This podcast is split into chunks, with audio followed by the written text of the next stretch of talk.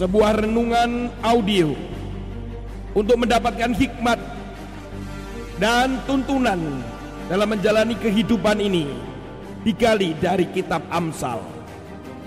Inilah audio inspiring message yang dibedah dan dibawakan oleh Tony Nardi Wiono. Selamat mendengarkan.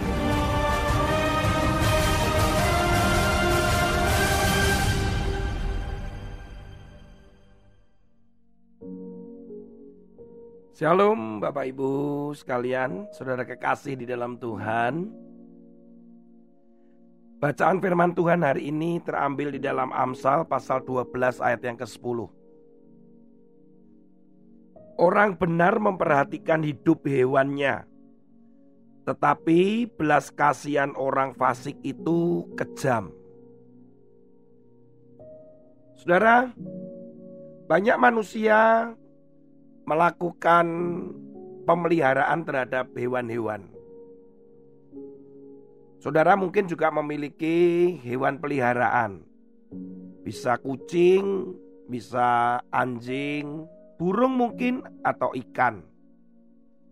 Yang menurut saya adalah hal-hal yang wajar adalah binatang-binatang hewan seperti yang saya sebutkan tadi. Tetapi juga ada orang-orang yang unik memelihara hewan-hewan buas, memelihara hewan-hewan reptil seperti ular, kalajengking, atau hewan-hewan yang langka. Sehingga sering kali terjadi kejar-kejaran antara pihak kepolisian dengan orang yang memelihara binatang-binatang langka karena binatang-binatang langka itu dilindungi oleh negara. Saudara, saya masih ingat sekali ketika anjing kesayangan mami saya itu ditabrak mobil dan meninggal. Oh maaf, kok meninggal? Mati. Istilahnya harus dibedakan ya meninggal dan mati. Biasanya kita menggunakan kata mati itu adalah untuk hewan ya dan meninggal itu untuk manusia. Anjing ini mati dalam kondisi yang ya kasihan lah. Karena anjing ini sangat dekat dengan mami saya. Kalau mami saya tidur, dia akan tidur di bawah tempat tidur.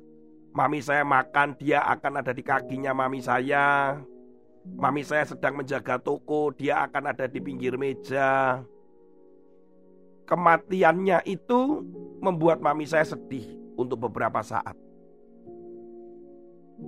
Memang ada banyak saudara Orang yang ditinggal mati oleh hewannya kemudian sedihnya berlarut-larut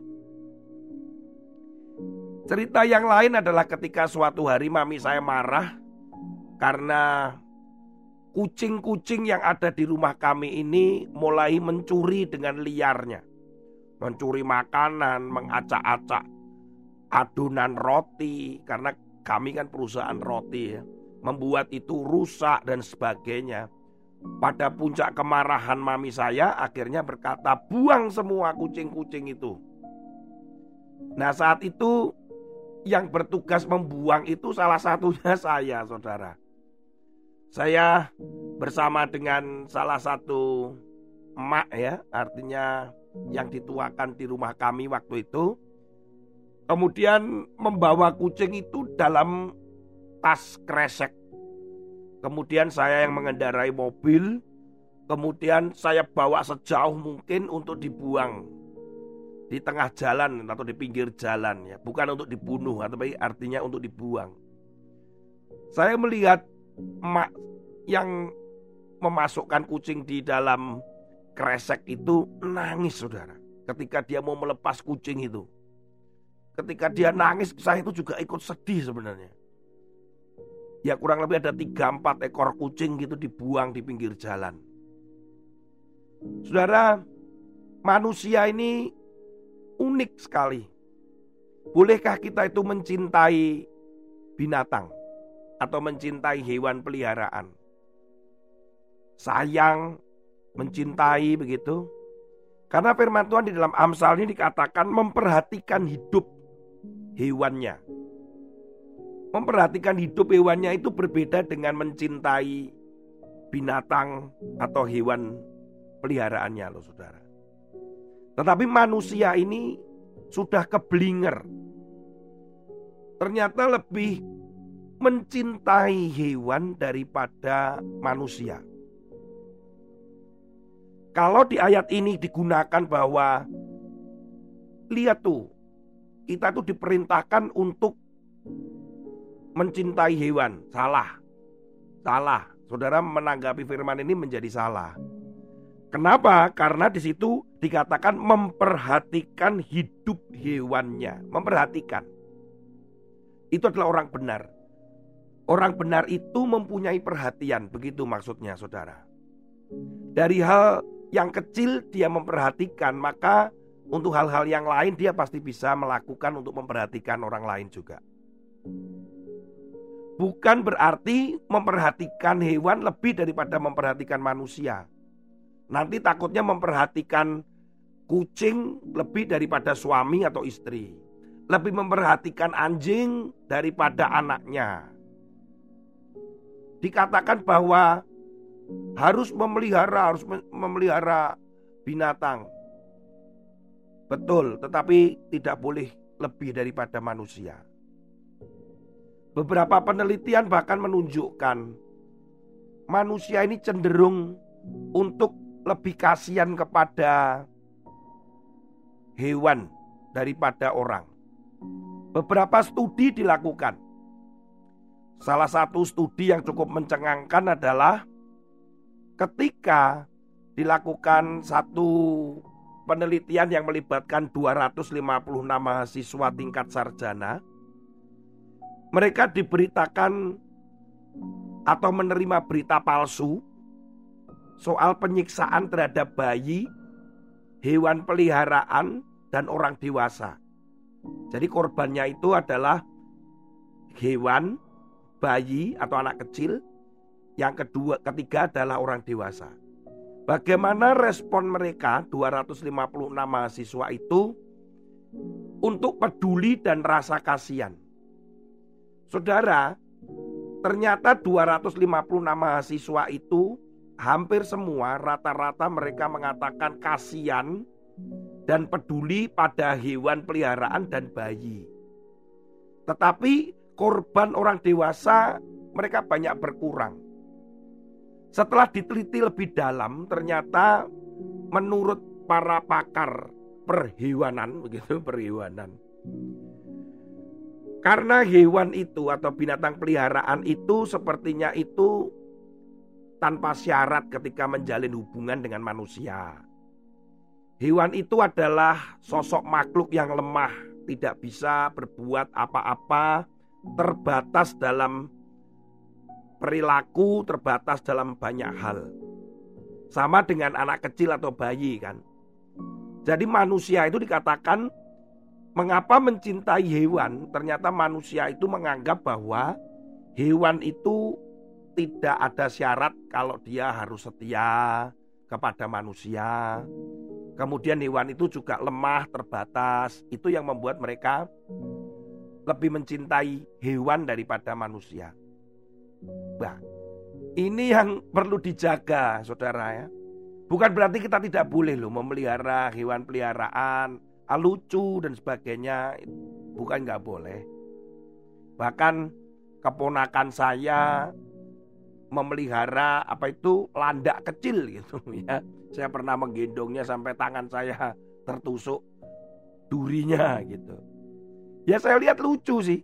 Tetapi Ketika kita itu kadang memelihara hewan, akhirnya memperhatikan berlebihan, lupa makan, kemudian memperhatikan orang tuanya lupa, memperhatikan pasangan lupa, kan ya jadi masalah saudara ya. Ya memang dari penelitian juga hasil studi, laki-laki itu lebih membedakan daripada perempuan. Kalau perempuan tuh nggak banyak membedakan katanya. Tapi laki-laki lebih banyak memberikan pembedaan. Saudara, kembali lagi pada ayat yang kita baca di awal. Bagaimana dengan kita? Memang kita bisa memperhatikan hewan sebagai bukti bahwa kita juga bisa memperhatikan manusia. Tetapi janganlah kita itu mencintai hewan itu lebih, memelihara, memperhatikan hewan itu lebih daripada mencintai atau memperhatikan orang lain. Hewan adalah ciptaan Tuhan juga, tetapi pasti ada bedanya. Tidak ada roh Allah di situ.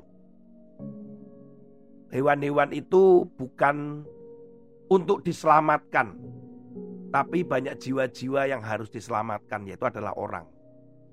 Ya mungkin ketika kita berhubungan, berelasi dengan mereka, selalu ada kendala, selalu ada kadang luka, Kadang ada gesekan, kadang ada konflik. Beda dengan hewan. Ketika hewan itu kita berkonflik dengan hewan ya biarin saja itu hewan itu ya akan datang lagi dan sebagainya. Hewan pun tidak bisa bicara, saudara. Sementara manusia di situlah kita harus bertumbuh. Ingat, besi menajamkan besi, manusia menajamkan sesamanya. Itu artinya interaksi itu membuat kita untuk semakin dewasa, saling memahami, saling mengerti. Terutama ketika kita berada pada lingkungan baru, kelompok baru, komunitas yang baru, teman baru, rekan pelayanan yang baru, istri yang baru, bukan saudara, jangan begitu. Ya, artinya Ketika kita ada di dalam satu komunitas dan kita harus beradaptasi, kita harus berinteraksi, kita harus uh, beraktivitas di situ, saling memahami, saling merendahkan hati, saling mendukung, saling menolong. Mungkin kita nggak suka, tetapi itulah proses di mana kita belajar untuk mengasihi. Bukankah itu yang diperintahkan Tuhan untuk kita saling mengasihi satu dengan yang lain? Saudara kekasih di dalam Tuhan, mari kita lebih mengasihi dan memperhatikan manusia daripada binatang peliharaan kita. Tuhan Yesus memberkati saudara. Haleluya. Amin.